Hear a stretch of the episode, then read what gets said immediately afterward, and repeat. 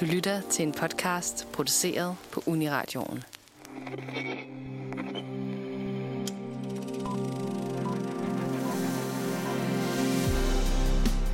Robert Pattinson spiller Batman, men det gør Ben Affleck også, såvel som Will Arnett, Michael Keaton og Kevin Conroy. Her på Nosferatu har vi delte meninger om, hvem lederhætten egentlig passer bedst. Er det Arnett's fjollede deadpan-udlægning, Pattinsons aggressive emo-udlægning, eller er det egentlig George Clooney med hans bat nipples? Det skal vi finde ud af i dag, mens vi anmelder både den nyeste Batman-film og sammenligner den med de ældre udlægninger af karakteren. Velkommen til filmmagasinet Nosferatu.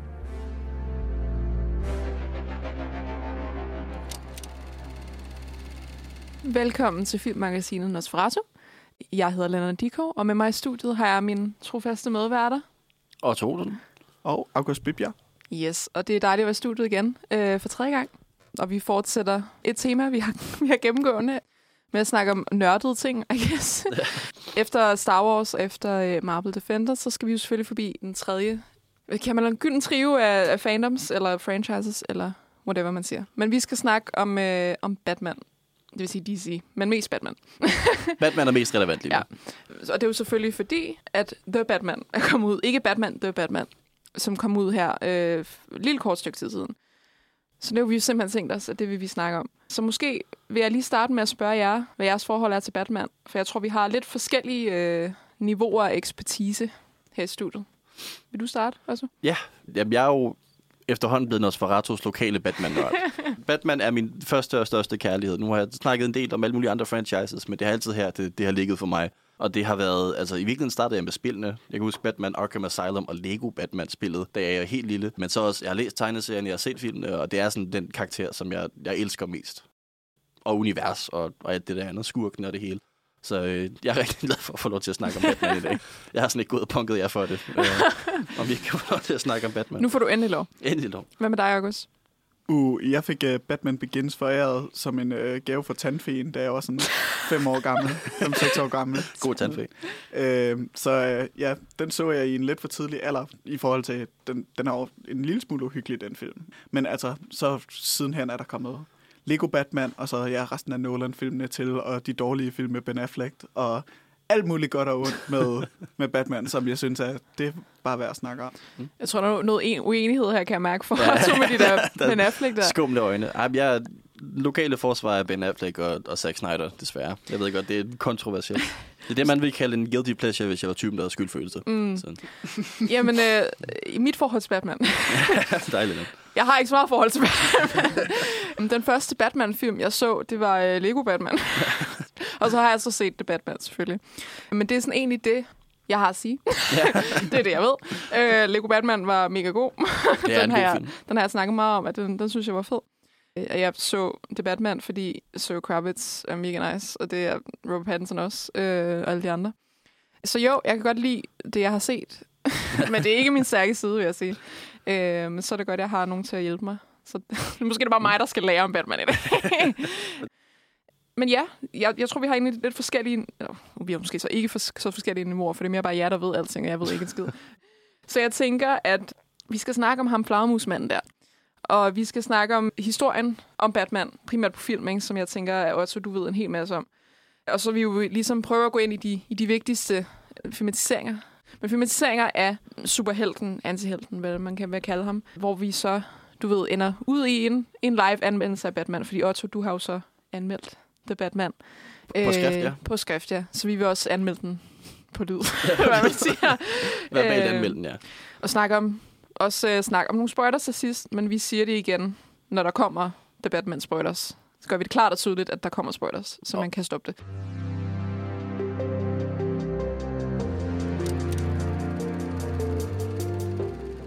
Vi er tilbage, og vi skal snakke om Batman, selvfølgelig. Vi har jo selvfølgelig sagt, at vi skal snakke om Batman på grund af den aktuelle The Batman, øh, instrueret af Matt Reeves, som er endnu en ny Batman efter Bat, øh, Batfleck. Ben Affleck stoppede. Det hedder han efterhånden, bare Batfleck.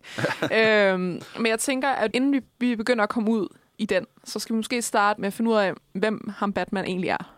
Og det ved jeg, at du ved rigtig meget om. Ja, jeg sidder og vibrerer, fordi jeg gerne vil snakke om det. det. Jeg er klar på det. Ja, altså Batman, i, i de helt gamle dage af tegneserier, hvor tegneserier var jo kæmpestore i, i 30'erne, så på et tidspunkt udkom der sådan øh, en, en serie af tegneserier, der hedder Action Comics, hvor i på første, første forside af Action Comics, der var der Superman.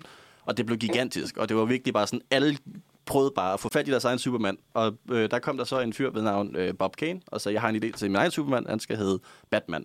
Og det var så Bat-mand. Ligesom Spider-Man. Ligesom Spider-Man, præcis. Og han havde så en idé om, at det var den her karakter, der skulle have en, en rød uniform på, og sådan en maske lige kun om øjnene, sådan en domino-maske, og så sådan nogle øh, vinger, lidt, eller sådan lidt flagermusevinger. Øh, og det var der ikke rigtig nogen, der gad at købe. Øh, og så endte han så med at finde en fyr, der hed Bill Finger, som var en forfatter, som der kom på hele den her ikoniske uniform med altså det grå, og med, med, med masken, og med ørerne, og med, med kappen i stedet for vinger, og det ene og det andet. Og det er så der, hvor at Batman kommer fra. Jeg nævner det her specifikt, fordi det er også det er et ømt emne, fordi at Bob Kane har været ham, der har fået credit for Batman igennem hele historien, på trods af, at han ikke rigtig har noget med opfindelsen af Batman at gøre. Han tegnede i starten, men altså, han, han fik penge for det, men det var ikke ham, der var involveret. Øh, det var først i 2016 i Batman v Superman, hvor i at det så første gang stod created by Bob Kane with Bill Finger, hvor han så kom ind. Fordi det er i virkeligheden Bill Finger, der har stået for det. Men det var så, i den her kamp om at få en ny Superman, så var Batman virkelig succesfuld. Og det her, det var før, der var noget, på den måde hed DC. Det her Batman var i Detective Comics, men det var ikke DC som sådan en stor branch, der havde en masse tegneserier endnu. Og allerede i 40'erne, så kom der jo faktisk øh, live-action Batman i tv, hvor der var sådan nogle to serials. Den ene er kedelig, den er racistisk, så man skal ikke se dem. Men de er der. Men i tegneserierne, så var der i en periode i de der sådan 40-50'er, hvor det var sådan, okay, der må faktisk ikke være mor længere, øh, fordi mor, det korrupterer vores børn. Så de introducerede en helvedes masse skurke, som der kunne gøre sådan nogle andre ting, som at hypnotisere og fryse folk til is. Og det er derfor, man fik alle de her mærkelige superskurke med nogle gimmicks, sådan, så man sådan lidt kunne øh, lade være med at dræbe folk. Og så kom der så 1966 Batman, den første Batman-film og tv-serie kom det samme år med Adam West, som var den her meget throwback til den her sådan lidt loosey-goosey, der må ikke være mor, det hele skal være hyggeligt Batman, som man sådan mødte i det her censur-era Batman. Og det var plat og åndssvagt og hyggeligt, og så blev tegneserierne dystre, og så blev filmene dystre. Og nu kommer vi så over til det, som folk generelt kender i form af, mm. af Tim Burton's Batman. Jeg ved ikke, ja, du har ikke set det. Men uh, August, har du set Tim Burton's Batman? Åh, oh, det har jeg i hvert fald. Hvilket var noget anden oplevelse, mens man sad der, efter man havde set uh, The Dark Knight og ventede på Dark Knight Rises. og sådan, vi skal lige få mit Batman-fix fikset. Og så valgte jeg at se Batman 89, 92, og så Schumachers Batman-film også. Og det er jo noget andet univers, man træder ind i. Først uh, Burtons gotiske uh, Batman-univers med Michael Keaton i hovedrollerne, og så Joe Schumachers uh, sådan neon fiberdrøm. virkelig, det er sådan meget rigt at se. Det, jeg, jeg, har, jeg har et weak spot for de film, men de er virkelig bare sådan, det er punkfarver, og det er eksplosivt, og der bliver råbt af dig hele tiden. Altså man skal, man skal se det med is i blodet, for sådan ikke at få, få et hjerteanfald. Og Bad Nipples. Og Bad Nipples, Som ja. vi nævnte i introen. det er de ikoniske. Det, den her anatomiske Batman-dragt blev så lidt mere anatomisk lige pludselig, hvor man mm. lige skulle nogle flere detaljer med. Jeg tror måske, at det er nødvendigt at være sådan... Så hvem er Batman egentlig? Altså, hvem er hans alter ego? Det er en fyr, der hedder Bruce Wayne. Ja. Og han er million, millionær, milliardær, et eller andet. Ja, det ændrer sig lidt. Han er meget rig. Han er rig. Han, han er altid rig. Han er sådan generelt repræsentativt for en rig person af den gamle kaliber, som ikke nødvendigvis er sådan en Elon Musk, du ved, kan købe sine egne stjerner og rumskib og sådan noget. Han er, altså, han er, han er råd til at have et højhus, men han er ikke... ikke til stjerne. men, men, men der er alligevel, altså du ved, for i dag, når vi snakker om rige folk, så snakker vi jo om den her elite, som der bare har alt. Og ja. det, det føler jeg aldrig rigtig Batman er. Det er mere Nej, Tony Stark han, han, han laver meget sine egne gadgets og sådan noget. Øhm, og han har en butler selvfølgelig, hvilket ja. alle os bønder, vi har ikke sådan noget. Efterhånden så er Alfred blevet til en bodyguard med en butler. Ja. Men stadigvæk, det er en, en person, der laver mad til ham.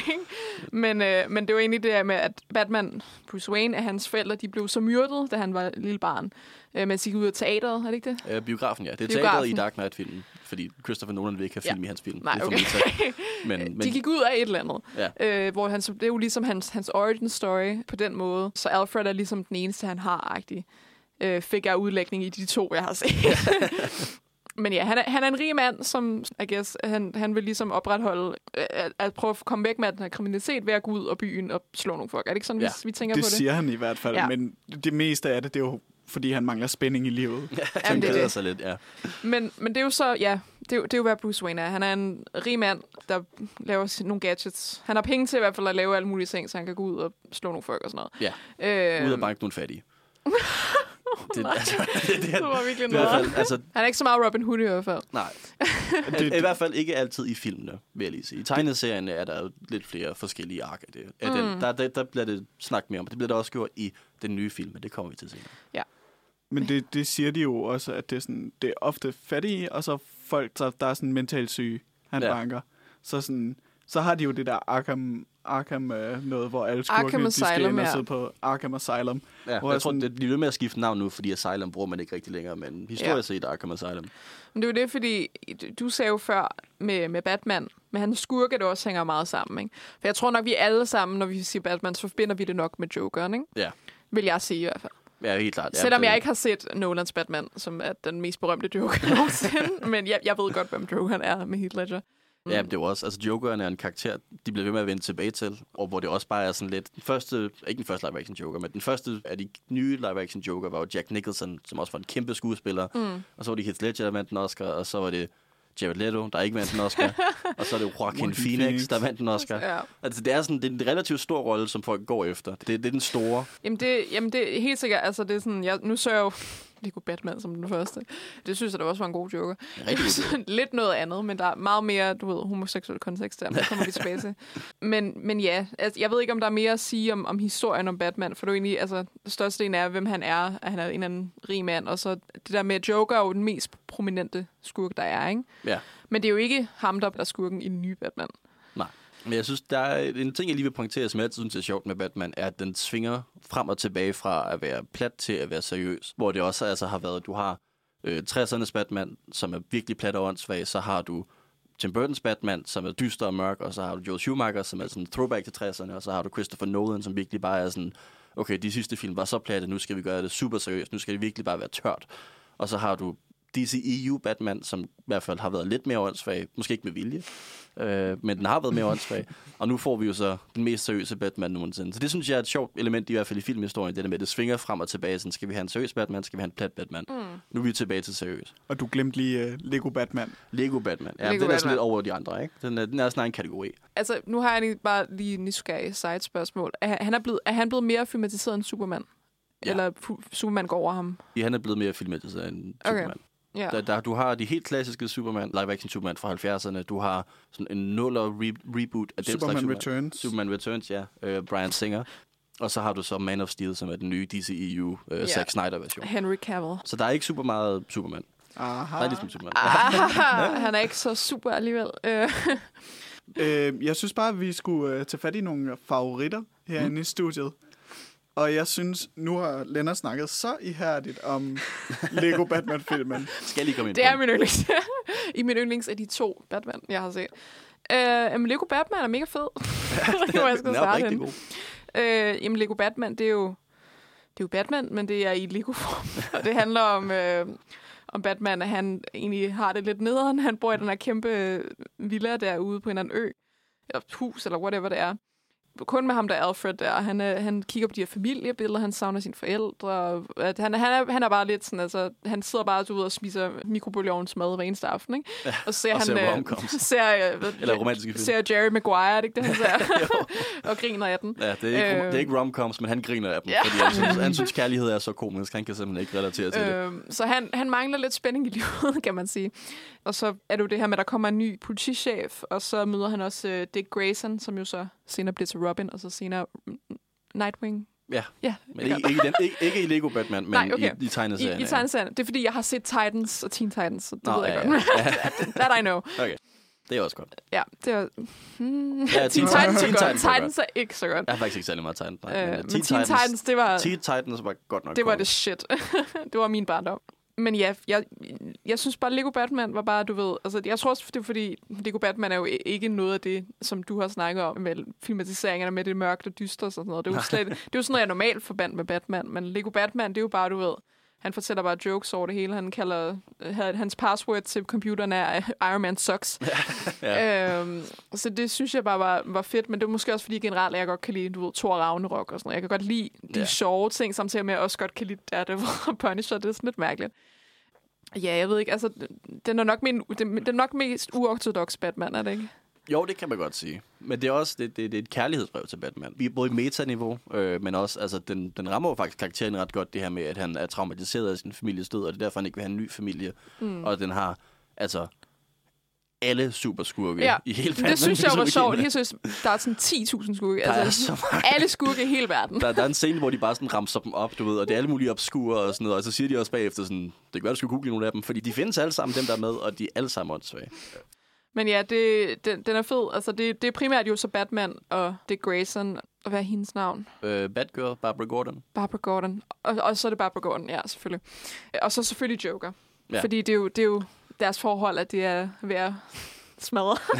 Fordi øh, Batman ikke ser ham som sin, øh, sin største skurk, og det bliver Joker meget såret over. Ja. Øh, hvilket man godt kan forstå, når de har kæmpet så længe. Og han har faktisk ikke haft fjernet nogen af kriminalitet i Gotham overhovedet. der er ikke sket noget overhovedet. Men ja, jeg ved ikke, hvad I tænker om den. Det, jeg synes bare, den er sjov. Zach Galifianakis, han spiller uh, Lego Jokeren Ja, her, er og han forstår altså Joker-karakteren bedre, end Joaquin Phoenix gør. så er det sagt. Ja. Jo, men altså, i, hele ideen med, øh, med Joker, den falder jo til jorden, når Batman han ikke er der. Fordi at, hvad, altså, hvad skal Jokeren gøre, hvis der ikke er nogen, han kan slås med? Så skal. Ja. han bare rende rundt og lalle i byen. I think not. Men altså sådan... Hvad, hvad, hvad, er, hvad er Jokeren uden Batman? Han er jo ingenting. Så hvis Batman ikke medvirker i filmen, som han ikke gør i Joker-filmen, så, så falder det jo bare til jorden. Altså, Ja. Han skulle have vundet Oscar. Han jeg skulle for noget, Oscar, ja. Ja, men den handler jo virkelig altså, om deres, deres forhold, Batman og Jokeren. Og virkelig, og det er også, altså, den bruger konteksten af de her romantiske film, som Batman sidder og griner af, til sådan lidt at inspirere deres forhold, hvor det er, altså, du, du snakker om den homoseksuelle kontekst, altså det er decideret. Det, de bruger alle mulige tematikker fra romcoms og, og romantiske film til at snakke om Batman og Jokeren, og det her med, at Batman ikke rigtig turde komme tæt på, og altså, du ved, at Jokeren mener, at de er hinandens ærkerivaler, men Batman turde ikke helt at sige ærkerivaler nu, fordi han er sådan er lidt, lidt bange for commitments og sådan noget, og det, og det er virkelig, altså det, det er både sjovt, og det er faktisk også veludført, mm. øh, som, som et, et karakterplot, og en, en sjov analyse af Batman i en metakontekst. Men det, er øhm, det, fordi hele plottet jo egentlig er, at nu hvor Joker han finder ud af, at han ikke er hans nemesis eller whatever, så gør han jo bare alle, en totalt stor ting, bare sådan at få, få, få Batman til at sådan lægge mærke til ham. Eller hvad man siger. Det svarer til de der øjeblikke i romantiske komedier, hvor en af partnerne dater en anden, bare for at pisse dem af, ikke? så ja, det er nu, nu, nu der kunne du ikke bekæmpe nogen som helst kriminalitet i Gotham. Tag den. ja. Men øh, vi har jo faktisk et klip fra Lego Batman, ja. Ja. som vi valgte at tage med. Ja, øh, det, og som Lennon sagde, det, det når et helt nyt punkt af sådan metalag af, af selvrefererende øh, Batman-niveau på det her tidspunkt, fordi at Batman han faktisk lister, eller det er Alfred faktisk lister alle de eventyr, som Batman har haft før i tiden, som så er filmene navngivet ved årstal Ja. perioder. Sir, if you don't mind my saying, I'm a little concerned. I've seen you go through similar phases in 2016 and 2012 and 2008 and 2005 and 1997 and 1995 and 1992 and 1989 and that weird one in 1966. Do you want to talk about how you're feeling right now? I don't talk about feelings, Alfred. I don't have any. I've never seen one. I'm a night stalking, crime fighting vigilante and a heavy metal rapping machine. Det er værd at notere, øh, at man ser sådan Lego-udgaver af, hvordan Batman han ser ud, når de her årstal de kommer frem. På nær lige i 1966, hvor man så bare ser øh, Batman danse. Sådan ja. øh, et klip af et Batman som et ægte menneske, der danser fra tv-serien. Ja, eller, Øh, jeg tror faktisk, det er fra filmen, ja. fra Men det er filmen. Adam West, der står og, og har en lille batdans. Ja. Det er, Batdans. En bat svinger om. Og batdans var en ting i 60'erne. Mm. Det var, det, det, jeg kan ikke vise den i, i et radiopodcast, men øh, der er en batdans, hvor det er noget med at gøre med masken og det ene og det andet. Okay. Så Jamen, det er rimelig vildt. Men det er også, Det er Batman, han, 60's. han, han skrev også sin egen titelsang i den her film. Mm. I starten, mens så tæver de der skugge, så synger han også om, at han er Batman, og han er rigtig sej og sådan noget. ja, han heavy metal rapper, Ja. som han også Heavy nævner metal rapper. Her. Men, men det, er jo, det, er jo, det, er det viser også lidt, hvad Lego Batman kan, fordi det er både sådan, okay, fordi det er lidt en legetøjsfilm, fordi det er en animationsfilm, så kan vi være meta om de andre film med, altså, okay, vi kan, virkelig, vi kan bare nævne den decideret, og så vise, altså, ikke optagelser fra, men du ved, rekreationer af Batman v Superman og det ene og det andet, og snakke om dem. Men samtidig så handler det jo også om det her med, altså Batman, der ikke turde komme tæt på folk. Altså, den kan begge ting. Den kan både være en, en dum parodi og en ærlig, altså følelsesmæssig version af Batman på en måde, som faktisk virkelig virker. Og så er den også sjov. Mm. Den er faktisk rigtig sjov. Meget sjov. Så, Meget det- sjovere end alle de andre Batman. Ej, okay, det er måske lidt shady. Ej, jeg vil, jeg vil sige, den er sjovere end de andre Batman. Det synes jeg er fair nok. Det er også den eneste Batman, der er en komedie. Det er faktisk rigtigt.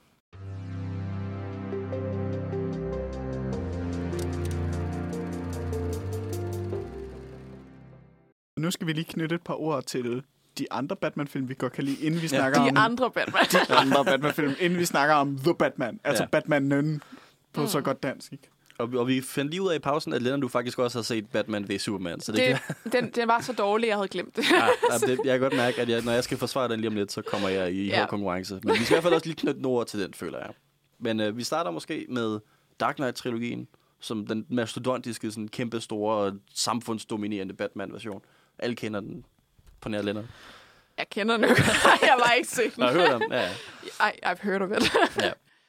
Ja, altså sådan, jeg føler bare, at uh, den her Dark Knight-trilogi, det er den sådan mest, eller det er meget veludført, men også den mest sådan, vanilla-udgave af karakteren på en eller anden måde. ja. Altså, vi har, de har taget alle, alle Bruce Waynes karaktertræk, eller alle dem, han i det mindste er sådan kendt for at være sådan lidt ja, jeg jo ved, at han har det her liv som playboy-millionær, samtidig så er han ham her, der kæmper om natten, og så er det bare sådan, ja okay, det ved vi om ham, hvad skal vi, hvad, hvad skal vi så, ja. Ja. Okay, så, må det, så er det ligesom skurkene, der skal bære filmen i stedet for.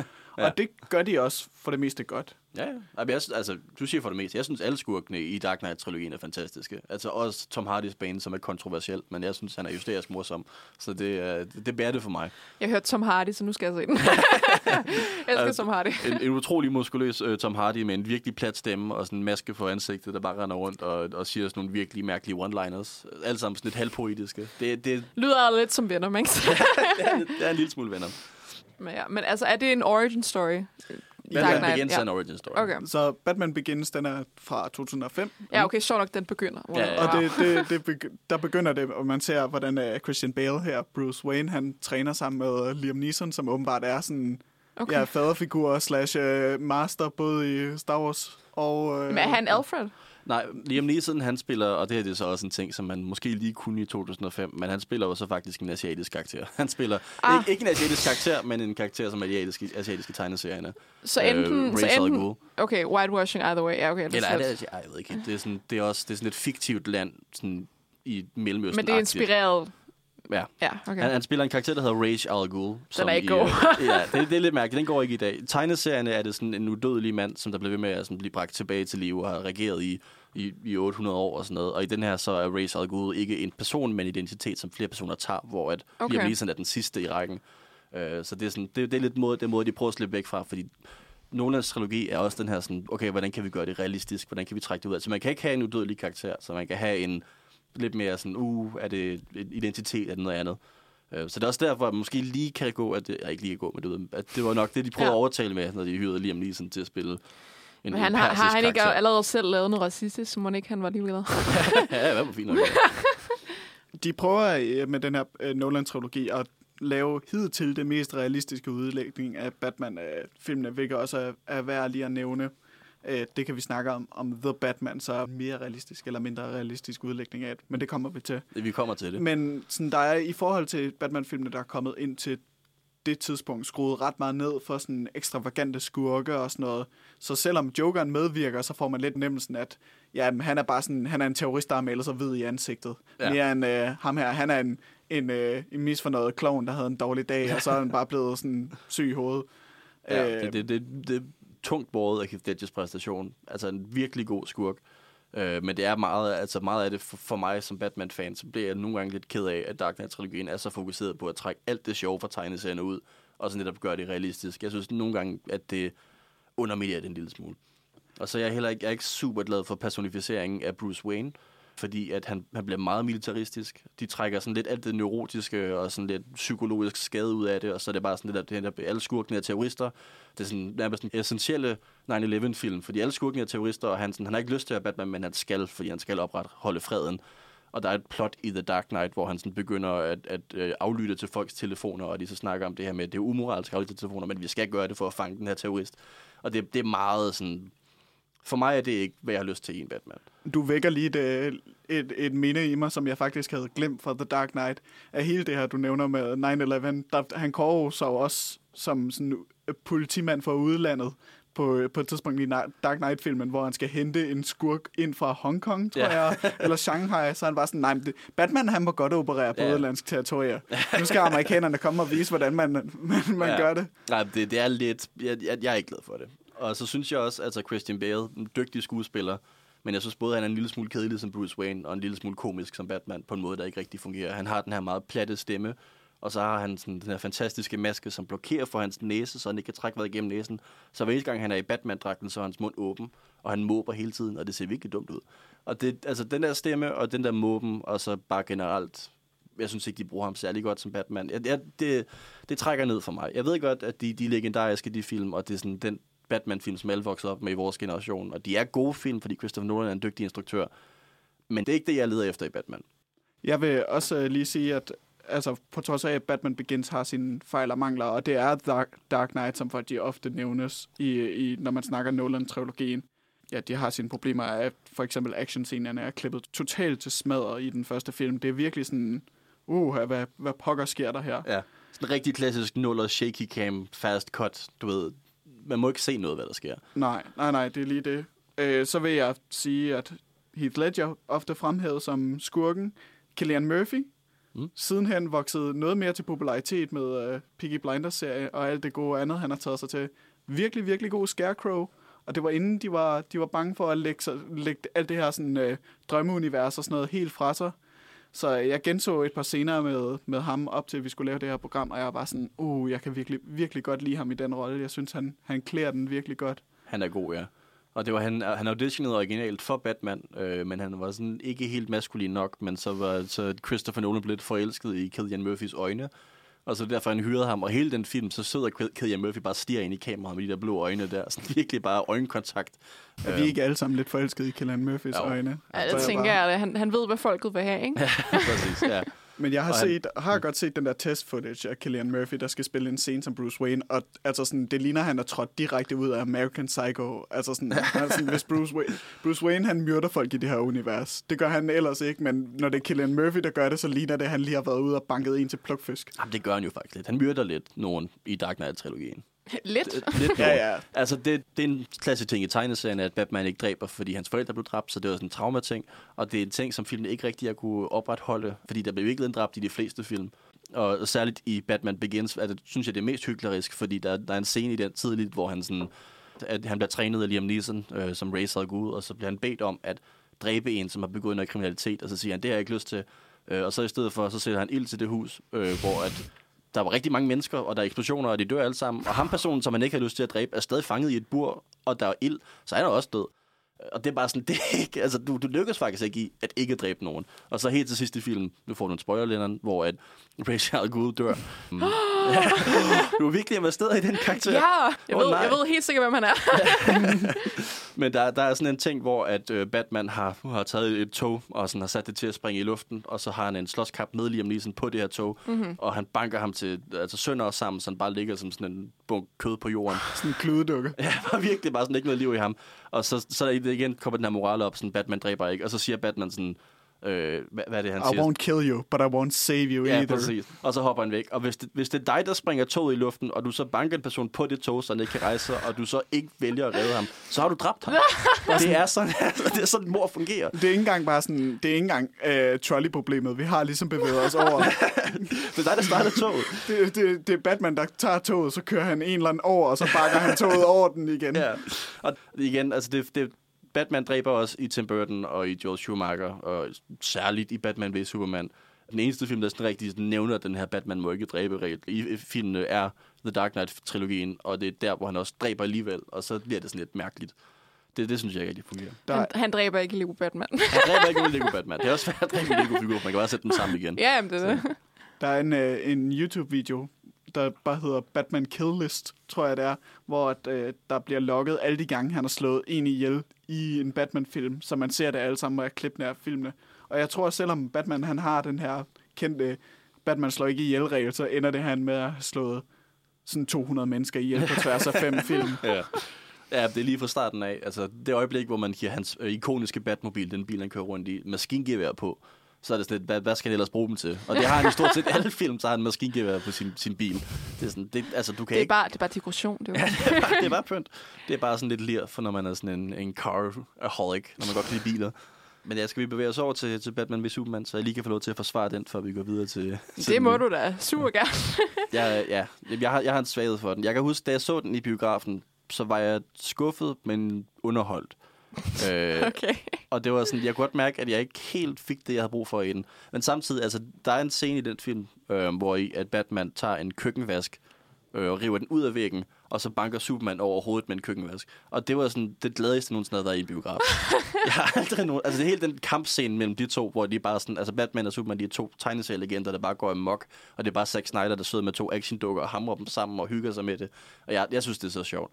Øh, men der kom så en Ultimate Edition et par år efter på Blu-ray, som er en halv time længere, og hvor I ikke alle, altså der er nogle af de her plot-ting, som er lidt platte, øh, det må man godt sige, men, men meget af plottet bliver sådan udbygget bedre, og det, det, det fungerer bedre, og det, det er længere film, så hvis man ikke kan lide Batman v Superman overhovedet, så skal man ikke se den, fordi det er bare mere Batman v Superman. Hvis man ligesom mig var sådan lidt ambivalent på den, så synes jeg virkelig, at den version redder den. Altså, allerede du siger den er længere, så er jeg sådan, nej. Ja, ja præcis. Det, jeg, jeg, jeg, prøver, jeg prøver heller ikke at sælge den til folk, For jeg, sådan, for jeg så "Jeg skal ud og også, se den. for Men, jeg øh, så også Justice League, altså den første. Øhm, og så hørte jeg jo, da Zack Snyder's kom ud, og der, så hørte jeg, at den var været fire timer lang, Fire og jeg timer, var sådan, nej, det kommer Ja. ikke til at ske. Nej, det, Men Batman vs. Superman, det er jo bare, ja, Batman, Batman og Superman, der kæmper. Jeg så den jo, fordi jeg hørte Wonder Woman var med i den. Ja. Så det var derfor, jeg så den. Hun er også med i den. Ikke Ja. særlig meget. men Ikke hun særlig meget, men hun, dukker er op. med i den. Da Justice League kom ud, var jeg rimelig skuffet, så i lang tid så var Batman og Superman, det var min Justice League-film, fordi du, man fik den her trio sammen, og jeg, altså jeg er opvokset, nu snakkede vi om Teen Titans, den animerede serie, jeg er også opvokset på den animerede Justice League-serie og den animerede Batman-tv-serie. Som er fantastiske. Begge to er suveræne, så det var også, altså jeg elsker Justice League, jeg vil gerne se dem sammen, så jeg synes det er fedt der til sidst, hvor de kæmper mod en karakter fra tegneseriet, der hedder Doomsday, som ikke rigtig giver mening, han er der, men det er han alligevel, når man Og lytter til det. det, det hvad hedder det, Jesse Eisenberg, der er... Lex Luthor. Lex Lex Luthor, Luthor, ja. ja. Åh, oh, ja. Det, Ja. det havde jeg lykkeligt glemt. Ja. Jesse Eisenberg, der spiller en Jesse Eisenberg-type. Ja, det virker ikke rigtigt. Der er mange ting i den film, der ikke virker, men samtidig så er det også bare, altså sådan, den, den rammer en, en god tone for mig, hvor den både tager sig selv super seriøs, og samtidig også er plat, og det kan jeg godt lide. Mm. Det kan jeg også godt lide for tegneserien. Der er rigtig mange tegneserier, som er dumme, men tager sig selv alvorligt, og det er det sjoveste. Så Jeg er også mest på vognen af, at jeg ikke synes, Batman v Superman har frygtelig meget at byde på. Men øh, jeg ved, både Niels Otto og jeg har spillet det, der hedder Batman Arkham-spillene, oh ja. øh, som er Batman Arkham Asylum og Batman Arkham City og Batman Arkham Knight. Og Øh, Arkham Origins. Der er Den- mange synes Arkham jeg her, ja. Arkham Origins også, ja. Øh, Rocksteady-spil, der er udviklet omkring Batman-karakteren, og li- ligger så meget op af den animerede serie fra 90'ernes udlægning ja. med de samme stemmeskuespillere, blandt andet Kevin Conroy og vores allesammens Mark Hamill som Jokeren. Ja. I love him. Han er en fantastisk joker. Han er virkelig den bedste. Men det, som er Arkham Asylum og så de resten af Arkham-spillene mest øh, ligesom blev kendt for, eller ud over den fantastiske udlægning af Batman, det er sådan et revolutionerende combat-system, hvor Batman han bare fiser rundt fra fjende til fjende og banker dem til plukfisk. Altså Ja. virkelig bare sådan, de der mennesker, han har haft kontakt med, de skal spise gennem et rør i sådan halvandet år. øh, og der tog Batman ved Superman ligesom inspiration for de her Arkham Arkham-spil, så i, i en scene især, hvor Batman han skal redde Supermans mor. Altså sådan, der er 12 mennesker, og de ligger alle sammen bare totalt kvistet på gulvet bagefter. Ja. Ja, det er virkelig, det er, de spil lagde sådan tonen an for, hvordan man gør Batman-action. Jeg, jeg er glad for også den scene igen. Jeg synes, jeg elsker de her karakterer så meget, og Zack Snyder har sådan en fantastisk sans for, at det godt må være åndssvagt, når de slås. Og det, det synes jeg det også, det skal. Jeg synes også, det skal være plads til, at Batman kan banke råt. Og så også, altså, nu snakkede jeg om, hvordan jeg ikke er særlig glad for Christian Bales Batman. Jeg kan bedre lide Ben Afflecks Batman, fordi han er en lille smule tosse. Eller, han er en tosse. Ikke en lille smule tosse. Han er, han er helt blodet bare sådan lidt en altså, psykologisk skadet person på en måde, som jeg synes, Batman skal være. Og den prøver i virkeligheden ikke rigtig at moralisere det. Den lader ham lidt være en skurk på en måde, som altså, har været kontroversielt. Han dræber mange mennesker. Mere direkte end Christian Bale, så er det bare sådan mor, direkte mor. Jeg synes det også det er lidt ærgerligt, når man ser sådan spor af, hvad et Zack Snyders Batman ligesom har peget i retning af. Fordi et af de her meget ikoniske trailer shots, det er sådan en statue af, jeg tror det er en, det er meningen, det skal være sådan en hyldst til Dick Grayson, som. Ja. er blevet slået ihjel af Jokeren, og så står der bare noget sådan Joker graffiti på, Og jeg, er sådan, jeg fik aldrig lov til at, ligesom at bide ned i, sådan, hvad det er, hvorfor er Jared Leto, som er en forfærdelig joker, men Skrækkelig joker. virkelig en dårlig joker. Jeg har også men set Suicide Squad, han er forfærdelig. Ja, det, det fungerer overhovedet ikke. jeg vil godt have set den episode, der fuckede Ben Afflecks Batman tilstrækkeligt nok op til, at han er bare sådan en morderisk psykopat, han er i de her film. Ja. Øh, Og det peger bare det peger lidt ud af filmene.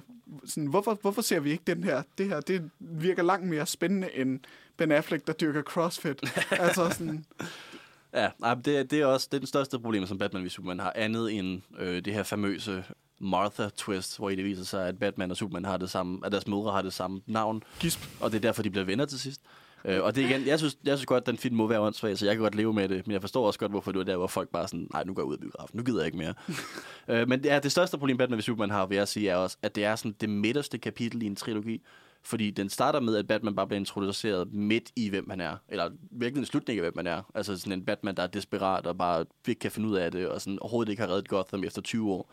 Og så slutter den med et optimistisk note af, at Batman kan blive bedre i fremtiden, hvilket man så først så i Zack Snyder's Justice League. Jeg vil ikke sige, at man så det i Joss Whedon's Justice League, fordi den film underminerede Batman endnu mere. Men man får ikke rigtig det første kapitel, og man fik først det andet kapitel i en fire timers version, hvilket er for langt. Selv mig, der kan lide den, det er, det er for langt.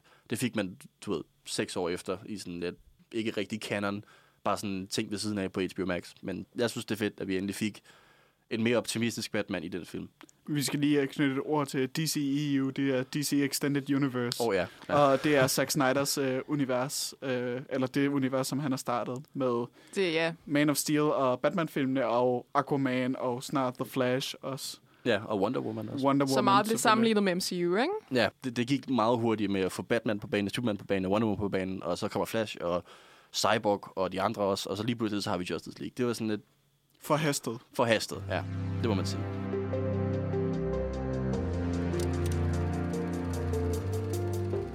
Nu skal vi vende The Batman. Jeg har med mig her i studiet i dag Lennart Dikov og Otto Olsen. I, stadigvæk. Stadigvæk. Vi er ikke gået endnu. Nej, forhåbentlig øh, ikke lige midt i podcasten. Så kan jeg sidde her og hygge mig. Nej, øh, vi skal vende The Batman. Ma- Matt Reeves The Batman. Bat Reeves. Bat Reeves? Bat Reeves? Ja, Matt Reeves, han er øh, writer og director, også kendt for den nyeste udlægning af Planet of the Apes-filmene, som øh, er gode. Ja, jeg Vil vil, jeg jeg, jeg vil sige. sige rigtig god. Det lyder meget spændende, som ja. er gode. Ja, jeg skal lige se, hvordan så jeres blikke ud, efter jeg sagde det. Jeg elsker, øh, altså han har lavet to Planet of the Apes film. Der var en første, som ikke er lige så god, som lavede den anden person, jeg glemmer hvem. Men de to, han har lavet, er oprigtigt virkelig, virkelig gode. Hovedrollen er en computergenereret abe, og det virker.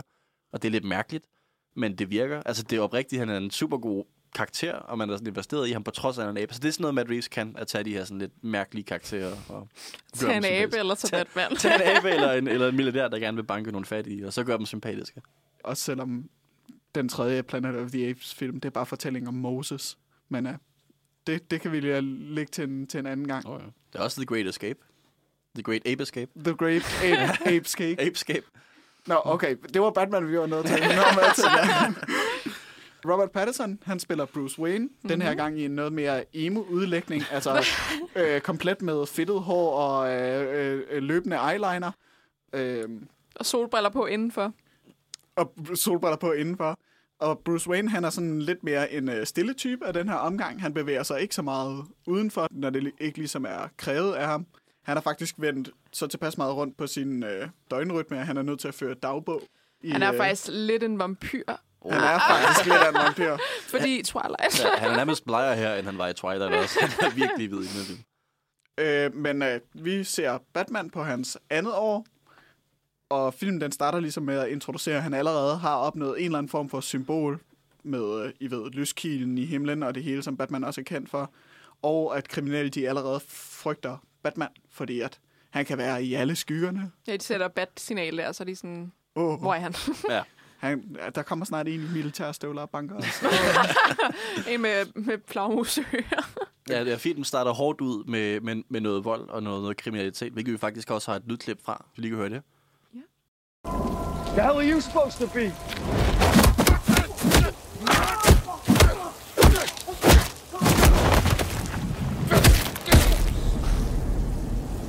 I'm vengeance.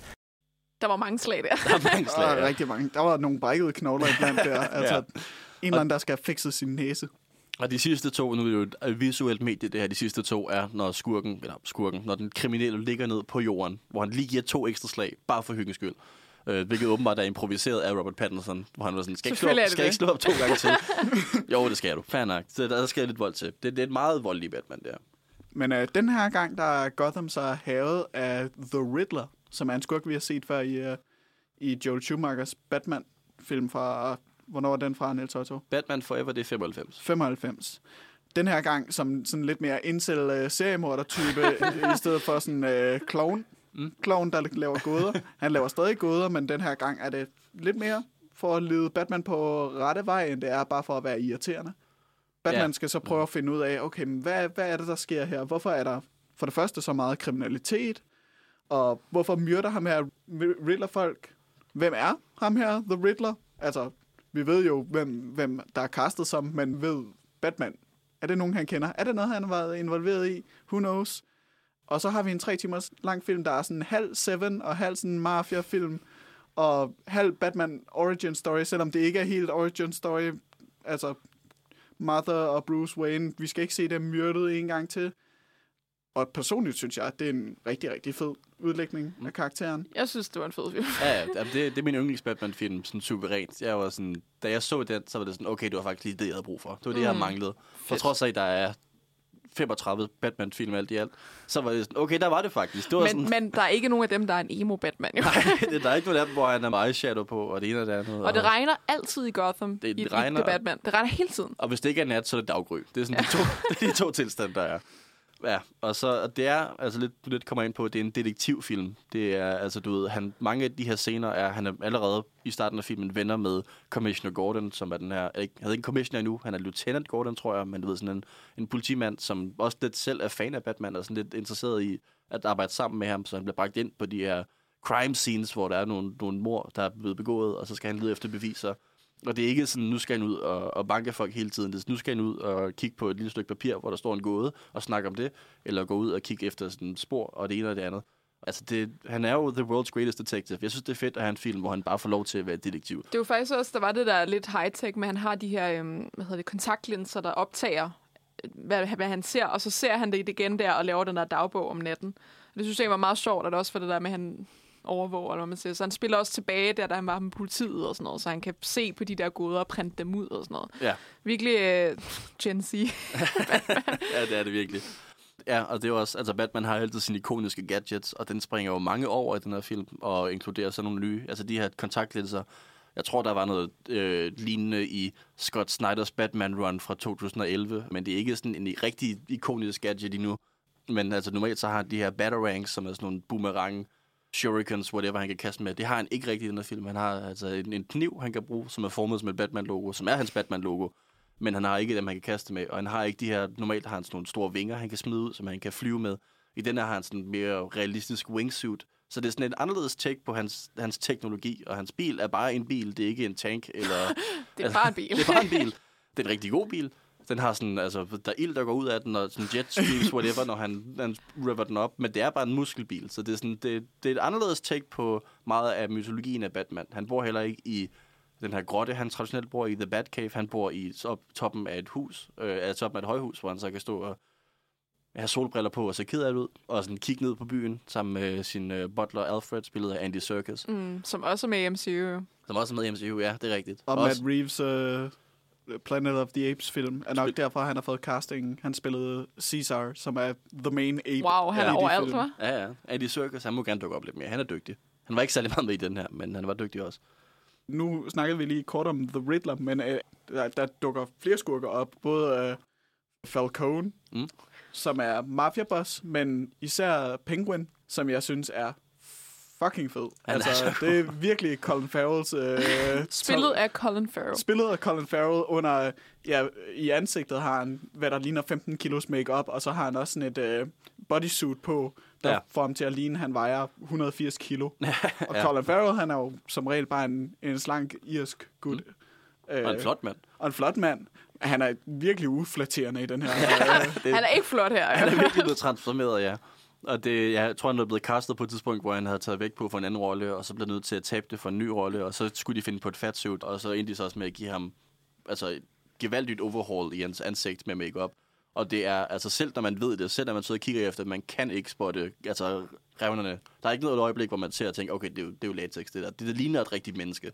Det er virkelig godt udført. Men det er også meget mørkt i den film. Det er meget mørkt. Så. det er meget taktisk, ja. Så selv hvis der var nogle syninger synlige, så skal man lige kigge igennem lidt regn. For... lige, lige, lige skrue sådan lyset op på skærmen, ja. Men ja, og det er også, den er blevet kritiseret et par gange for at være meget lang, det er den. Den er også blevet kritiseret for meget dyster, det er den. Den er også blevet kritiseret for ikke at være sjov, og det synes jeg ikke er rigtigt. Jeg, jeg har grint flere gange, blandt andet af, altså stort set hver eneste gang, at Colin Farrell sagde noget. Hvor han bare er sådan rigtig, du ved, sådan New York gangsterboss, øh, sådan, ah, altså du ved, virkelig op at køre, og sådan nærmest en klassisk tegneserie-version, hvor det, sådan, det synes jeg er fedt, at det er et meget seriøst univers, men at karaktererne også får lov til at være overdrevet. Også Batman i sig selv, som jo lidt, altså, folk tager ham ikke på den måde alvorligt. Han kommer jo bare klædt ud som en flagmus, og folk griner lidt. Og sådan, Hvad fuck er det? Men det var skulle jeg sige, for jeg synes, en scene, der var rigtig sjov, så efterfølges meget hurtigt efter noget, der ikke er særlig sjovt. Men jeg synes, det var sjovt øh, i kirken, som vi faktisk har et klip med, hvor, hvor hende, en af, hun er en, der, der er ved at, hvad hedder det, har præs, det, præsidentkampagne, eller hvad Øh, hedder mere, hvad hedder det? Borgmester. Borgmester. Borgmesterkampagne, ja. ikke præsident. Ja. Hun, er, hun kører en borgmesterkampagne, og så ser hun ham lige der til, til den kirke og begynder at snakke med ham. Bruce Wayne. Bruce Wayne, Bruce ja. Wayne, ja. Mr. Wayne, you know, you really could be doing more for this city. Your family has a history of philanthropy, but as far as I can tell, you're not doing anything. If I'm elected, I want to change that. Noget flot korsang i baggrunden her. ja. Men ja, det er jo borgmesterkandidaten her, som siger til ham sådan, du gør jo ikke rigtig noget. hun får ud jo så sjovt nok ikke, han er Batman, obviously. Ja. Ja. Hun siger bare, du ved, hans forældre var jo også meget aktiv politisk og, og velgørenhed og sådan noget. Han sidder bare er ked af det oppe Ja. i sit højhus. Og det, traditionelt set, så er Bruce Wayne også lidt sådan playboy billionær går ud, og du ved, mm. i hvert fald lader som om, at han sådan, synes, det er sjovt at, at drikke noget, men også, du ved, går op i, at at, at, at give nogle penge til nogle ting, og det er noget, som den her Batman virkelig ikke kan finde ud af. altså hele den her, det er en lang scene, der foregår i en kirke, og Batman siger ikke et ord. Altså det ligner bare, at han sådan bare er fanget i, sådan, i altså, rampelys på en måde, han ikke kan lide. Hvor han Der er bare, også en politibetjent, der siger hej til ham, han så bare sådan, og, så, og vender sig bare væk. Altså, nej, Det er kan sådan, ikke. Batman er ved at få et angstanfald, lige indtil der så sker noget action senere, men det skal vi ikke spoil. Men du ved, så længe det er socialt, så kan han overhovedet ikke finde ud af det. Og det øjeblik, hvor der så sker noget voldeligt, så han sådan, okay, cool, jeg ved, hvad jeg skal. Så sådan, det er lidt den karakter, det er. Sådan meget dysfunktionelt på en, på, en, på en fed måde. Jeg synes virkelig, det rammer en psykologisk Batman på en måde, som måske også er en meget god analyse af det i virkeligheden, at hvis man klæder ud som en flagmus og banker fat i, så er der måske noget galt med en. Måske. Men øh, tænker vi ikke, at det er måske noget af det, vi kommer til at se i de fremtidige film, det her med, at sådan, folk de bliver ligesom opmærksom på, okay, men der er sådan, der er en rig billionær, som er fucking mærkelig. ja, for der er Ja. allerede confirmed, at der kommer en toer Ja. til The Batman. Og der Jeg kommer tror en- ikke, det er helt confirmed, at der kommer en toer, men der kommer i hvert fald to spin-off tv-serier. De har Okay. sådan lidt Ja. holdt det Nå, åbent okay. med, at der, at der kommer en toer. Den har tjent gode penge, og Altså, den så vil jeg lige sige, så men- håber jeg virkelig, at uh, Zoe Kravitz, uh, Catwoman, at hun får noget mere. Ja, hende har vi ikke snakket For om. hun endnu. er fantastisk. hun er virkelig dygtig, og man lægger næsten ikke mærke til, at hun er så pæn, som man bliver distraheret hver eneste gang, hun er på skærmen. Men altså sådan, folk de må jo regne det ud. Bruce Wayne, han dukker kun op, sådan, når det er absolut nødvendigt af ham. Så er han sådan super mærkelig, og altså sådan, har eyeliner sikkert løbende, sådan, ved, ligesom glemt at fjerne make bag ørerne-agtigt. ja. Øh, og så samtidig er der en eller anden, der render rundt og slås med folk, der har også har fucking mange penge. Så altså, må det ikke i løbet af de næste par film, at vi ser ham bare sådan, okay, men det kunne godt være, at jeg ligesom skulle stjæle den russiske, øh, de russiske ballerinaer med på en verdensomsejling, ligesom Ja. man gør i The Dark Knight. Eller, Og så kan Selina Kyle bare tage hans maske eller sådan, ja. og hun spørger ham også, det er så Cat, Selina Kyle, Catwoman, øh, hun spørger sådan, hvem er du? Og så tager hun ikke masken af. så bare sådan, Nej. står bare sådan rør ved den, og sådan, nej, okay, Ja. lige meget. Respect his privacy. Men det, det, altså, det, det er en helt anden film, der også lægger op til, at Batman kan vokse, Bruce Wayne kan vokse som karakter. Netop fordi, altså, som vi hørte i lydklippet lige før, han bliver udfordret på, altså, det kan godt være, at du, altså, du som karakter går ud og gør alt muligt og prøver at, forhindre kriminalitet, men du kunne faktisk gøre mere, og du kunne gøre noget andet ved også at være Bruce Wayne, ved simpelthen at være, være aktiv i det. Mm. Øh, og det er også, en, det synes jeg, er en fed pointe. Netop. Igen det her med, altså nu har jeg snakket meget om Batman som umoralsk, fordi han er en milliardær eller millionær, som der banker fat i. Men det er en ting, som nogle film og nogle tegneserier, nogle film, så mener jeg øh, primært animationsfilm. Øh, der er en masser, masser, masser af animationsfilm, og nogle af dem er værd at se. Men også tegneserierne bringer det her op med, at han ikke nødvendigvis kun skal banke folk, men også nogle gange skal være en, en karakter.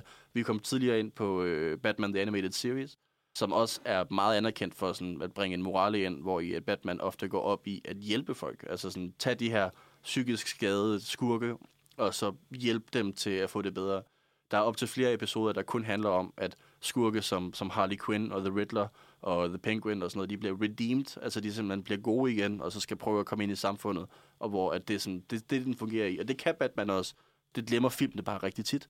Og det er det, som jeg håber, at Robert Pattinson fortsætter med at være lidt i, i tråd af, at Batman faktisk kan være en god fyr, han kan hjælpe lidt. Nu er er det noget tid siden, jeg har set uh, Batman The Animated Series på tv, men jeg genså pilotafsnittet her for ikke så lang tid siden. Og der er Bruce, uh, Bruce Wayne, eller Batmans motivation, det er Man-Bat, som er sådan en flagermusemand. altså ægte flagermusemand, sådan ja. En, der bliver til en flagermus om natten, skurken.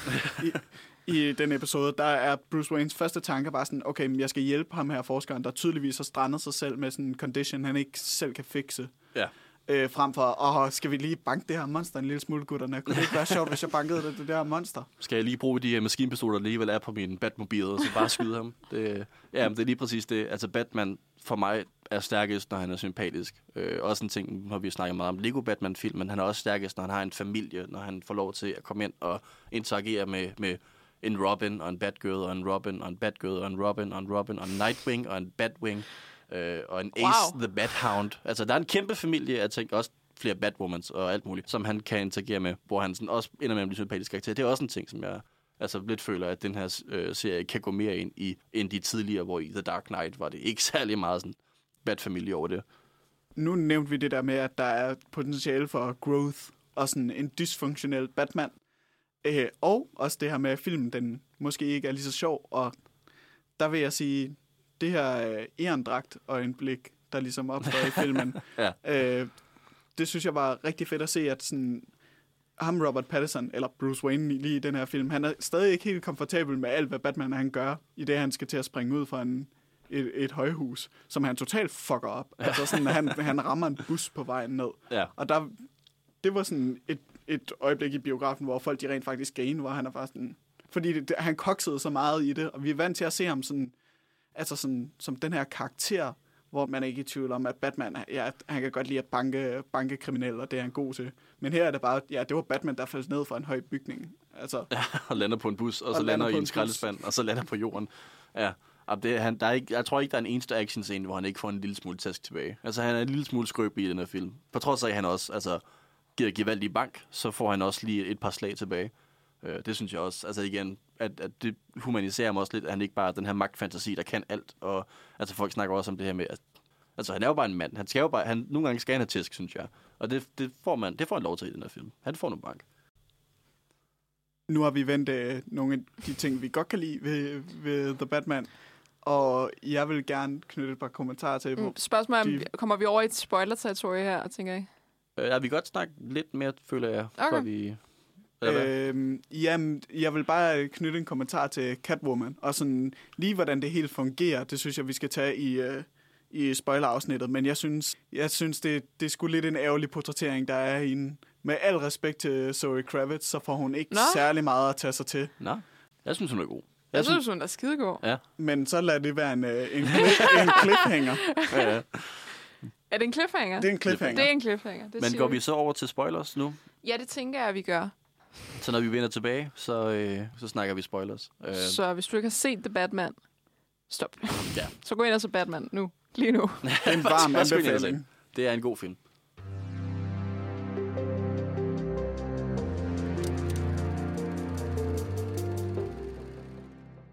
Vi er tilbage endnu en gang. Øh, og nu vil jeg igen gøre opmærksom på, vi er ved at snakke om The Batman, den aktuelle Batman-film. Øh, og vi kommer ind på spoiler-territoriet nu. Så hvis du ikke har set The Batman, så gå ud og Ja. se den. Øh, og lad være med at lytte til det her. Fordi nu begynder vi at snakke om spoilers. Så, hvad starter vi med? Hvad vi med? Jamen, du, du lagde lidt en tråd an med, at du en ikke... meget, meget kontroversiel ja. mening. Ja, ja, jeg kunne godt mærke, det var ikke lige det stemning i rummet var. Buh, August. Så, Ja, ja. så kan du lige uddybe det, så vi kan angribe dig. Ja, Jeg synes, at romancen mellem Batman og Catwoman er så kedelig. Og, og tak den, for, at du gad at være med i studiet i dag, men øh, jeg tror... og jeg synes ikke, det har noget plads i, øh, plads i filmen. Især fordi, at Batmans ægte partner i den her film, det burde jo være Alfred. Nej, han er jo hans far. Jo, nej, nej, nej, nej, nej. Men altså sådan, hvis han skal projicere kærlighed over på nogen, så skal det ligesom have styr på familien først, og så kan han gå ud og kysse med andre øh, s- sindsforvirrede selvtekstfolk senere hen. Men altså, få lige styr på, på hjemmesituationen først, ikke også? Man kan godt gøre begge dele. ja, jeg, ja. jeg synes, det vil være helt fint, det der med, at vi introducerer Selina Kyle, og hun er fucking sej, fordi det er hun, og hun kan banke øh, folk på lige fod med Batman. Men det, det der med, at man binder det op på, at der skal være en romance imellem dem, fordi det er ikke nok, at Batman han bare er lidt forvirret. Det synes jeg simpelthen er spildt. Også især fordi, at man så har valgt at prioritere det på sådan en mærkelig måde. Så vi har tre timer i alt. Men hvis I vil sælge mig en romance, så skal vi i hvert fald bruge en time af filmen på det her. Hvad bliver der brugt på det? Sådan en halv time, max. Og det er mens de begge to banker folk også. Så du synes, det er tvunget, eller hvad tænker du? Ja, det synes jeg. Jeg synes, og det virker ikke naturligt, først og fremmest. Og sådan, hun siger decideret lige ud, jeg kan ikke lide dig, fordi hun siger, jeg hader Bruce Wayne, jeg hader alt, hvad han står for, jeg hader Wayne-familien, og sådan sådan, ja, men kunne jeg ikke stadig stikke tungen ind i munden på dig? Det er Altså jeg, altså, jeg er dybt uenig. Ja, jeg er også. Men jeg ved det ikke. Altså, jeg synes på, på mange måder ikke, at det er et romantisk plot, fordi de begynder jo allerede at være sådan, hvad kan man sige, fysiske sammen. Det er, nej, det er jo en PG-13-film, så det er ikke, fordi den går over grænser. Men øh, de, de har jo nogle intime øjeblikke, hvor det tydeligvis bare er sensuelt, vil jeg sige. Jeg tror, de begge to er nogle weirdos med leather fetishes, der er sådan, hey, okay, der var faktisk lidt der. Og så begynder de at udvikle et forhold, som kan blive dybere. Men jeg synes ikke, at de starter eller er romantiske i meget af den her film. Det er mere sådan, de har en, en kemi. Jeg, jamen, det er det, jeg synes, de har virkelig sådan en stærk kemi. Altså allerede der, hvor, hvor de slås, hvor, øh, hvor, hvor Batman, han sådan, hvad hedder det, kaster Catwoman over på sådan bord og sådan strangler hende. Altså sådan... Ja, ikke strangler, ikke- ikke i den men halsen, sådan, men men holder sådan hende holder nede. hende tilbage, ikke? Og de bare sådan stiger på hinanden. Og sådan, Ja. jeg, jeg var solgt allerede der. Ja, de, de pauser lige og laver øjenkontakt, fordi der er Ja. sådan, okay, vent, der er faktisk, der er, der er en lille smule forbindelse mm. her. Mere fysisk og sensuelt end karaktermæssigt. Og, og så, og så kommer det- det karaktermæssigt Og så bagefter. senere i filmen der, hvor, hvor Batman han er helt smadret, han er sådan bevidstløs der og falder ned der, og så, øh, og så Catwoman er sådan, det er okay, du kan bare slappe af nu. Og så kysser hun ham, og han prøver alligevel at kysse hende tilbage, selvom han han er sådan ved at sådan halvt død. Det synes jeg bare var totalt sådan, Ja. ah, Jeg, var, jeg var solgt det var virkelig romantisk for mig. Men, men det kan være, at vi lige skal hurtigt også give sådan en spoiler-gengivelse af plottet. Bare lige hurtigt. Øhm, altså med, at The Riddler, som har givet de her ledetråde til Batman hele vejen The igennem. Riddler, han er en incel livestreamer det er med, talt. med 500 følgere. Ja. Wow. Nej, men, men jeg tror også, at han har et, at det er i virkeligheden mere sådan et Discord. Altså han har sådan Ja. en lille gruppechat med 500 mm. mennesker, fordi man ser ham tidligere i filmen, ser man ham livestreame, hvor der er sådan, at folk, der sender hjerter og sådan noget. Så det tror Men det jeg var, er også, lidt mere det var også noget med, at videoen den skulle låses op med kodeord og sådan noget. Var det ikke sådan Ja, noget ja, med det? præcis. Så jeg tror, det er sådan, altså de 500 følgere, det er sådan mere lille niche, niche af tosser, der går ud og, Ja. ja. og køber, køber jagtgevær og, og bruger dem på, mm. på civile. Så hvilket er lidt, jeg fik faktisk lidt ondt i maven, da det skete, da det twist kom. Fordi for det første var det komisk, når, når man sådan, den her mystiske video med et password, og så ser man den, og så er det bare Paul Dano, der sidder der og sådan, hej, tak fordi I subscribede, og øh, håber, det går godt med alle sammen. Welcome to my daily routine. Præcis, det er sådan. Men så går det så langsomt op for Batman og publikum, det her med, at de faktisk har en plan om at, at lave basically et, et, et public shooting, og gå ud og skyde nogle civile og nogle offentlige og det ene og det andet. Og der fik jeg sådan en lille smule i maven over. Mm. Jeg synes, det, det er meget aktuelt på en måde, som ikke nødvendigvis skal gå over for grænsen, men som lige ramte en, en nerve for mig i hvert fald. ja. Øhm, og så det her med, bare for at gøre det klart, Paul, øh, Paul Dano, The Riddler, har lagt en masse ledetråde for at guide Batman til de samme motivation. Så normalt så The Riddler, han er sådan, jeg vil gerne bevise, at jeg er klogere end Batman, men her så er det faktisk, jeg er venner med Batman. Han tror, at de har et, et, nærmest et, et, et forhold, hvor de er sådan, okay, vi... Ligesom Joker i Lego Batman. så, ja, han bliver sådan helt skuffet, da Batman til sidst er sådan, hvad fanden laver du? Men du ved, altså, han, bliver, han går helt i panik, uh, Paul Dano, The Riddler, og bare sådan, du kan ikke lide mig, jeg troede, vi havde et forhold. Men du ved, det her med, at, at Batman også har haft det samme motivation med at få hævn på den her elite, og få hævn på, altså, hvad der er korrupt i Gotham og sådan noget. Øh, men at The Riddler så er altså virkelig et eksempel på, hvordan det kan gå galt, netop fordi han så tager det et skridt videre og, og begynder at blive altså, voldelig mod civile og sådan noget. Og det er så der, hvor Batman, på trods af, at de har haft samme motivation, på trods af, at de basically har arbejdet sammen i den her film, til sidst indser, at han er imod det, og han beslutter sig for, i stedet for at være The Vengeance, være hævnen, så være Justice og, øh, og du ved, Hope, altså repræsenterer de gode ting. Det er faktisk også, føler jeg, nærmest en analyse af Batman, hvor i han ofte er hævnen, han ofte er ham, der sådan skal være selvtægteren, der kan gå ud og smadre folk, men han så til sidst indser, måske skal jeg være en god fyr, måske skal jeg være bedre. Og det synes jeg, den gør rigtig godt. Og det er båret af, at de har basically den samme motivation, skurken og helten i den her den klassiske kliché, det der sådan, we're not so different, you and I. Det bliver aldrig sagt i den her film, men de gør det gimmick rigtig godt. De, de er not so different. De er den samme. Batman er ikke en incel. Han er ikke en. Ej. han, han er måske... Jo, i hvert fald øh, involuntarily Pattinson. uh, celibate. Ja, jeg tror okay. ikke, han går ud og har masser af, Nej, af sex. okay. Jeg tror, han sidder derhjemme og suger. øh, men han er i hvert til fald... My Chemical Romance. Men, men jeg tror ikke, han er ikke øh, i hvert fald kodet til at være på den anden side af politikken. Når vi nu lige har fat i Riddleren, og det er ikke bare fordi, at jeg skal være øh, Mr. Negative i dag, selvom skal skal jeg, ved, så? jeg ved, det er en Spider-Man-skurk, men øh, jeg tænkte, I vil forstå referencen. Hele ideen om, at Batman han er sådan world's greatest detective, synes jeg falder en lille smule til jorden i det her. Det første, han gør, det er ikke at google det der jernredskab, som han ved, Riddleren bruger til at slå ihjel med. Han samler den op, og så er han sådan, hvad er det? Ja. Ja. Nå, men det er vel bare en jernting. En spids jernting. Altså, jeg vil også sige, at jeg sad, hvor han lavede de der, for, de der gåder der med øhm, øh, rotten med vinger, og så sad jeg bare sådan, ja, det er en flagmus. Ja, det Og han var også sådan, ting. um, en, en pingvin har også vinger. Og sådan, Are you stupid? Ja. Like? ja. Men det er også, altså, fordi traditionelt så er Batman the world's greatest detective. Det føler jeg ikke, den her karakter er endnu. Det kan godt være, han selv tænker, han er, men han skal lige lære det. Og det synes jeg også er okay, at han Ja. sådan, du ved, ikke er så klog endnu. Det kan være, han bliver det senere. En anden ting, vi lige skal snakke om, og nu, jeg har rost den film rigtig meget, jeg vil gerne rose den mere, jeg elsker den. Min største negativ er, at der er en Joker-scene. Jokeren dukker op. Wow. Oh, ja. Endnu en Joker. Uh. det, det er så unødvendigt. For det første er det her sådan- standalone film, der bare står for sig selv. Og for det andet, så har vi ikke brug for en Joker. Altså, der er, der er nok Jokers. Og det er simpelthen... Altså, det, det, det underminerer ikke filmen, for det er bare en enkelt scene, men det var bare sådan... Hvorfor skulle vi lige have den her enkelte lille detalje sat på, når alt andet i virkeligheden klarer sig så godt stående for sig selv? dem, det der Joker-scene, det er udført som, altså med en finhed, som et trykluftspor kun kan gøre det. Altså sådan, ah, en gang imellem har vi alle sammen brug for at være lidt af en klovn. Ha, ha. Ah, hvor Ej, jeg kan vide, hvem han taler om. Ja, præcis, ja.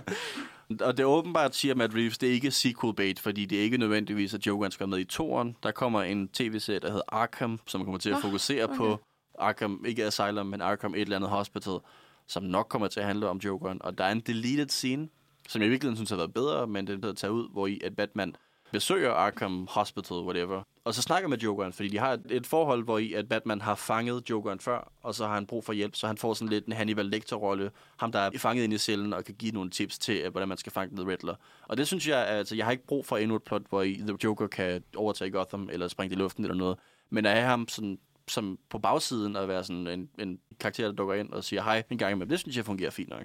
Men det er ikke det, han gør her. Det, det er bare sådan, i virkeligheden, hvad der svarer til en post-credit scene, før rulleteksterne kommer, hvor de bare siger, hey, der er en Joker, og han kommer i fremtiden. Selvom jeg er sådan dybt uenig med øh, sådan hans inklusion, så vil jeg bare lige øh, fremhæve kæmpe casting, de har valgt at, at gøre her med Barry Keoghan, mm. som ellers er kendt fra et andet Colin Farrell-projekt, Oh, det er rigtigt nok. The Killing of a Sacred Deer, De kender Ah, hinanden, som ja. er Yorgos Lanthimos' øh, Han er også med i Marvel. Han er, han er også med i Marvel, ja. og også med i Dunkirk. Og Green men, Knight. Og Green Knight. Men hvis man skal have sådan uh, en god idé omkring, hvordan han kan spille en skurk, så skal man gøre sig selv tjenesten og se The Killing of a Sacred Deer, fordi at fadervor var han forfærdelig i den film. Det er Mm. virkelig, virkelig, virkelig en god rolle for ham. Hvor? Det er, det er en rigtig hyggefilm. Det er sådan en, en, en første date-film, ja, hvor man kan sidde og... En sjov film til hele familien. ja. Ej, den er, den er, den er grotesk. Den, den, den går ondt. Så jeg, jeg glæder mig lidt til at se, hvilken retning han tager det i, på trods af, Mm. at jeg ikke synes, det skal være i hverken The Batman 2 eller The Batman 3. Men Nej. Måske først The Batman 4, en halv. Ja. Og så sådan først i The Batman 5, han dukker Ja. op egentlig. Men det, jeg tror også måske fejlen med, med at lave Joker så mange gange, eller prøve at lave Joker, det er, at de alle sammen, du ved, de prøver alle sammen at gøre det lige så godt som Heath Ledger. Fordi ja. det har, han er jo standarden. Men de kan jo gøre det så godt som Heath Ledger. Nej, det er så, svært. de, så de, i stedet for at prøve noget nyt, eller gøre noget andet, ikke at jeg skal gøre mig klog på Joker, men i stedet for at gøre noget nyt, eller gøre noget andet, så prøver de bare, du ved, at vi skal være lige så gode som Heath Ledger. Og så det er de jo bare ikke. Nej. Men, bliver lidt irriteret over, at man insisterer på, at han er ligesom Batman-skurken. Hvor jeg ved, at Robert Pattinson, han har også været ude og snakke omkring, at han synes, det kunne være rigtig fedt, hvis man involverer sådan noget som The Court of Owls. Ja, Kort og fremover. Varvet skulle være fedt. Matt Reeves, han siger, at øh, det er ikke noget, han har besluttet sig for, men han kunne godt tænke sig at lave Mr. Freeze på et tidspunkt, hvor jeg var sådan, vi har set Mr. Freeze, vi har ikke set uh, Court of Owls. Personlige bud til uh, The Batman 2, hvis man skal holde den i den her... Hvis øh, Matt Reeves lytter med. hvis Matt Reeves han lytter med. Hej og velkommen til. Det er Professor Pig. Åh oh, ja, øh, en nyere en. Det er Court of Owls faktisk også, de er relativt nye. Ja, det er en, en af de forholdsvis nye, nyere karakterer. Jeg er ikke så, ikke så kendt for folk, der heller ikke har spillet Arkham-spillene. Men han er en øh, slagter, der går rundt i en grisemaske og synger opera, og så er han en seriemorder samtidig med. Ja. Så hvis man holder det i det her med, at okay, okay. det regner bare, at Batman han løser mormysterier, så tag fat i Professor Pig, eller de her Court of Owls. Ja, og Court of Owls, øh, for lige kort at give en historie om dem, de dukkede op i Scott Snyders øh, 2011 Batman Run, hvor det var sådan en, en hemmelig organisation, der har eksisteret i så og så mange år, som der har gemt sig i Gotham og infiltreret det hele. Og det er virkelig et, et, et godt mysterie for Batman at komme op imod også, fordi at han altid sådan kæmper for at være konge af Gotham, og så finder han ud af, at han faktisk bare har lavet sådan et overfladespil, og hele spillet har foregået i undergrunden. Så det er sådan et rigtig godt modspil til Batman, som man sagtens kunne lave, og det passer godt til det univers. Øh, og jeg synes faktisk også, vi har set Mr. Freeze før, men jeg synes godt, man kunne gøre det godt den her gang. Altså man kunne give det endnu et forsøg. Hov, hov. Ej, jeg, jeg elsker Arnold Schwarzenegger som Mr. Freeze, men det er jo en, en joke. Altså, det, det er en sjov joke. Jeg kan godt lide det. Jeg griner af det. Men jeg kunne også godt tænke mig at se det en karakter gjort seriøst. Han er sådan En joker. En, en, en joker, ja. Aha ja men han er jo sådan også en karakter, som er blevet gjort tragisk, øh, hvor han også først var, var komisk, og så fik han det her motivation. Hans, hans kone, som er, er syg, og han prøver at kurere hende, og så bliver han bare sådan meget mere sympatisk og, og altså god karakter. Øh, og det er plottet i Batman og Robin øh, 97 af Joe Schumacher, men samtidig så er det også Mr. Freeze, øh, Arnold Schwarzenegger, som laver nogle skrækkelige puns. Så virkelig bare nogle, nogle af de dårligste jokes, man kan forestille sig, hvor de ikke engang giver mening nogen af tiden, men det er bare sådan, han, han skal bare hele tiden lave ice puns, du ved, sådan, what killed the dinosaurs, the ice age, og sådan noget. Og det, det er det, han siger i hele filmen. Og det, det underminerer lidt dramaet. Øh, jeg synes godt, man kan lave en, en Mr. Freeze med godt drama i. Ja. Altså, Rob Pattinson, han sagde jo, at hans yndlings Batman-skurk var ham der uh, Condiment King, Ja, ja. som er med i Lego Batman. som også er en meget obskur. Jeg havde i hvert fald ikke jeg ikke, ja. det var en ting. Øh, han, øh, hans superkraft er, at han har en, en pistol, der skyder med ketchup, og en pistol, der skyder med sennep. Kun de to. Ja, kun de to. Ikke jeg, tror, jeg, tror, jeg tror, det er syre ketchup og syre sennep, så han kan sådan oh, okay, ja. ting. Det var Men, bare øh, sådan, der er lidt lack of flavor der. Ja, så det, det er er kun... også, det er meget amerikansk. Det kan jeg lide. Det. Altså, jeg er faktisk meget optimistisk for, at de har lavet en tv-serie omkring The Penguin. Den har vi ikke snakket om endnu. Uh, Colin Farrell's The Penguin. Det er også den, der er tættest på. Og de nævner i The Batman, uh, at Maroni er i fængsel, og Maroni, han er sådan et modspil til Falcone, som er en gangsteren i den her film. Maroni er en anden gangster, som jo så kan komme tilbage nu, hvor at øh, Gotham bliver oversvømmet, og så kan der komme sådan nyt blod ind, øh, både øh, The Penguin, som kan prøve at komme ind og få, få en masse magt, og så også Maroni, der kommer på den anden side som lidt ældre, og også prøver at kæmpe for magt, og Maroni, som også er ham, der skaber Two-Face i den originale tegneserie, også i, i Dark Knight i virkeligheden øh, kaster syre på ham, sådan, så han får hans ansigt vandsider. Jeg synes, det var fedt også at få Harvey Dent, som er Two-Face, som ind som den nye statsadvokat. Sådan, så man virkelig kan få et politisk drama. Ikke nødvendigvis på en, på en kedelig måde, men på en sjov måde politisk drama i Gotham med The Penguin Maroni og så Harvey Dent, som der alle sammen prøver at kæmpe for at få Gotham op på benene igen, hvor de så kan få magt. Det synes jeg være et super fedt drama her. Men så introducerer Harvey Dent sådan, så han kan gå en hel film og få lov til at være Harvey Dent, inden der sker det der med ham. Ja, eller en altså, hel serie, ja. Altså, Ja, fordi det, er jo en serie, Penguin-serie, ja. Altså bare ham som karakter længe før han bliver Two-Face, så han kan få lov til at eksistere, og så ikke bare eksistere kun for, At blive Two-Face. ja, for at blive vandsidet. Det synes jeg kunne være fedt. Det kunne jeg godt glæde mig til, hvis de gør. Det er, mit, det er mit pitch. Uh, Jeg kom lige på en skurk, jeg gerne vil se live action også. Ja. Hugo Strange. oh ja. Han, han kunne fungere for Arkham. Hugo Strange, som traditionelt set er ham, der styrer Arkham Asylum, øh, og sådan eksperimenterer på, de, på de, dem, der er indfængslet. Og så måske tage dig med i det her med, at vi har set et opgør med ideen om Arkham Asylum. Og så være sådan, okay, men grunden til, at, at uh, Robert Pattinson han nu skal prøve at lukke Arkham Asylum, selvom han har smidt en masse af sine uh, frenemies derind, det er fordi, at han ved, at Hugo Strange han bare laver eksperimenter på dem og behandler dem af helvede til. Ja, og, Og så, så- kom, kom ind på, hvordan vi rent faktisk behandler folk med mentale problemer. Og så er han bare, han er virkelig kølig i uh, Batman Arkham City, som er det andet af de her Arkham-spil. Virkelig en god, uh, en god portrættering af ham der, så Ja. Der kan man google nogle cutscenes, hvis man har lyst til at se, hvordan han uh, agerer i semi-live action, skulle jeg til at kalde det. De spiller også at gå tilbage og spille. De er anbefalet. Hvis jeg lige må slutte med at anbefale nogle andre ting. Øh, anbefale- Mask of the Phantasm. Mask of the Phantasm, som er en animationsfilm baseret på The Animated Series, øh, som er den, som Robert Pattinson nævnte som sin inspiration til hans Batman, er virkelig god. Jeg vil også gerne anbefale nogle tegneserier. Gå tilbage og læse dem. Der er nogle rigtig gode nogen. Frank Millers Year One, og så er rigtig meget inspireret den her, er... Øh, uh, nu glemmer jeg faktisk, man har skrevet den. Tim Sale lavede kunsten, men The Long Halloween, som er sådan et noir-drama også, Og i samme tråd Batman Hush, som også er et noir-drama. Og så også, nu har jeg snak, nævnt den to gange, tror jeg, Scott Snyders run af Batman, som netop også er sådan lidt detektivagtigt, og hvor du har Court of Owls, og faktisk også, du har et plot, hvor i The Riddler oversvømmer Gotham, øh, bare apropos. Så det er sådan også lidt inspireret den nye Batman her. Der er rigtig mange gode tegneserier at gå tilbage og trække fra. Øh, det er Jeff Loeb, der Jeff har Loeb, skrevet øh, Long Halloween. Personligt, der, jeg har ikke så, øh, hvad kan man sige, versed i øh, Batman-tegneserierne, men jeg vil da anbefale øh, The Killing Joke. Ja, Alan det er Moores en klassiker. Killing Joke, øh, hvor man ser ja, Batmans forhold til Jokeren virkelig øh, illustreret, eller der, der er rigtig meget taletid imellem de to, der virkelig dyrker deres forhold. Og også, øh, hvad kan man sige, øh, Batmans forhold til Jim Gordon bliver virkelig udfordret i den, øh, Ja. den øh, tegneserie også. Og så Alan Moore, han er bare øh, lidt skør, men fantastisk forfatter. Og så også lidt tavlig over for kvinder, skal man lige sige. Ja. altså, når man snakker om The Killing Joke, Barbara Gordon får ikke rigtig lov til at være en karakter i den. Men det, Det det gjorde lidt- Catwoman heller ikke, så. Nå, åh oh, ja. Skal du bank? Skal du have tæsk? Sorry, not sorry. Skal du have bank? Nu er det helt Batman herinde. øh, jeg vil anbefale Lego Batman. ja, det kan man, ja. Jeg tror egentlig, det var det, vi havde for i dag. Mm. For dagens Batman-podcast. Jeg vil sige tusind tak, for I vil være med mig her i studiet. Det var mega fedt. Jeg tak. jeg lærte en masse om Batman. øhm, så det var bare nice at høre jer tale om det. Tak fordi I lyttede med til Filmmagasinet Nosferatu. Det har været en fornøjelse. Vi håber, I vil lytte til nogle af vores andre podcasts på Spotify, eller hvor end I lytter til det. Læs vores anmeldelser på nosferatu.dk, blandt andet Ottos anmeldelse af The Batman. Mm. Stærk anmeldelse. Tak. En meget god anmeldelse også. Altså, du giver en god karakter. Ja, det gør jeg. jeg, jeg Øhm, roser den. Så den, øh, den kan I godt tage ind og se, hvis I ikke har set den endnu. Følg os på Instagram og Facebook, og følg Uniradioen. Lyt til alle Uniradions andre podcasts på Uniradions hjemmeside. Tak for i dag. Pas på jer selv. Pas på, at I ikke laver noget kriminalitet. Ja, eller så noget. kommer Batman. Ellers kommer Batman efter jer. Tak for i dag. For det. Tak for i dag.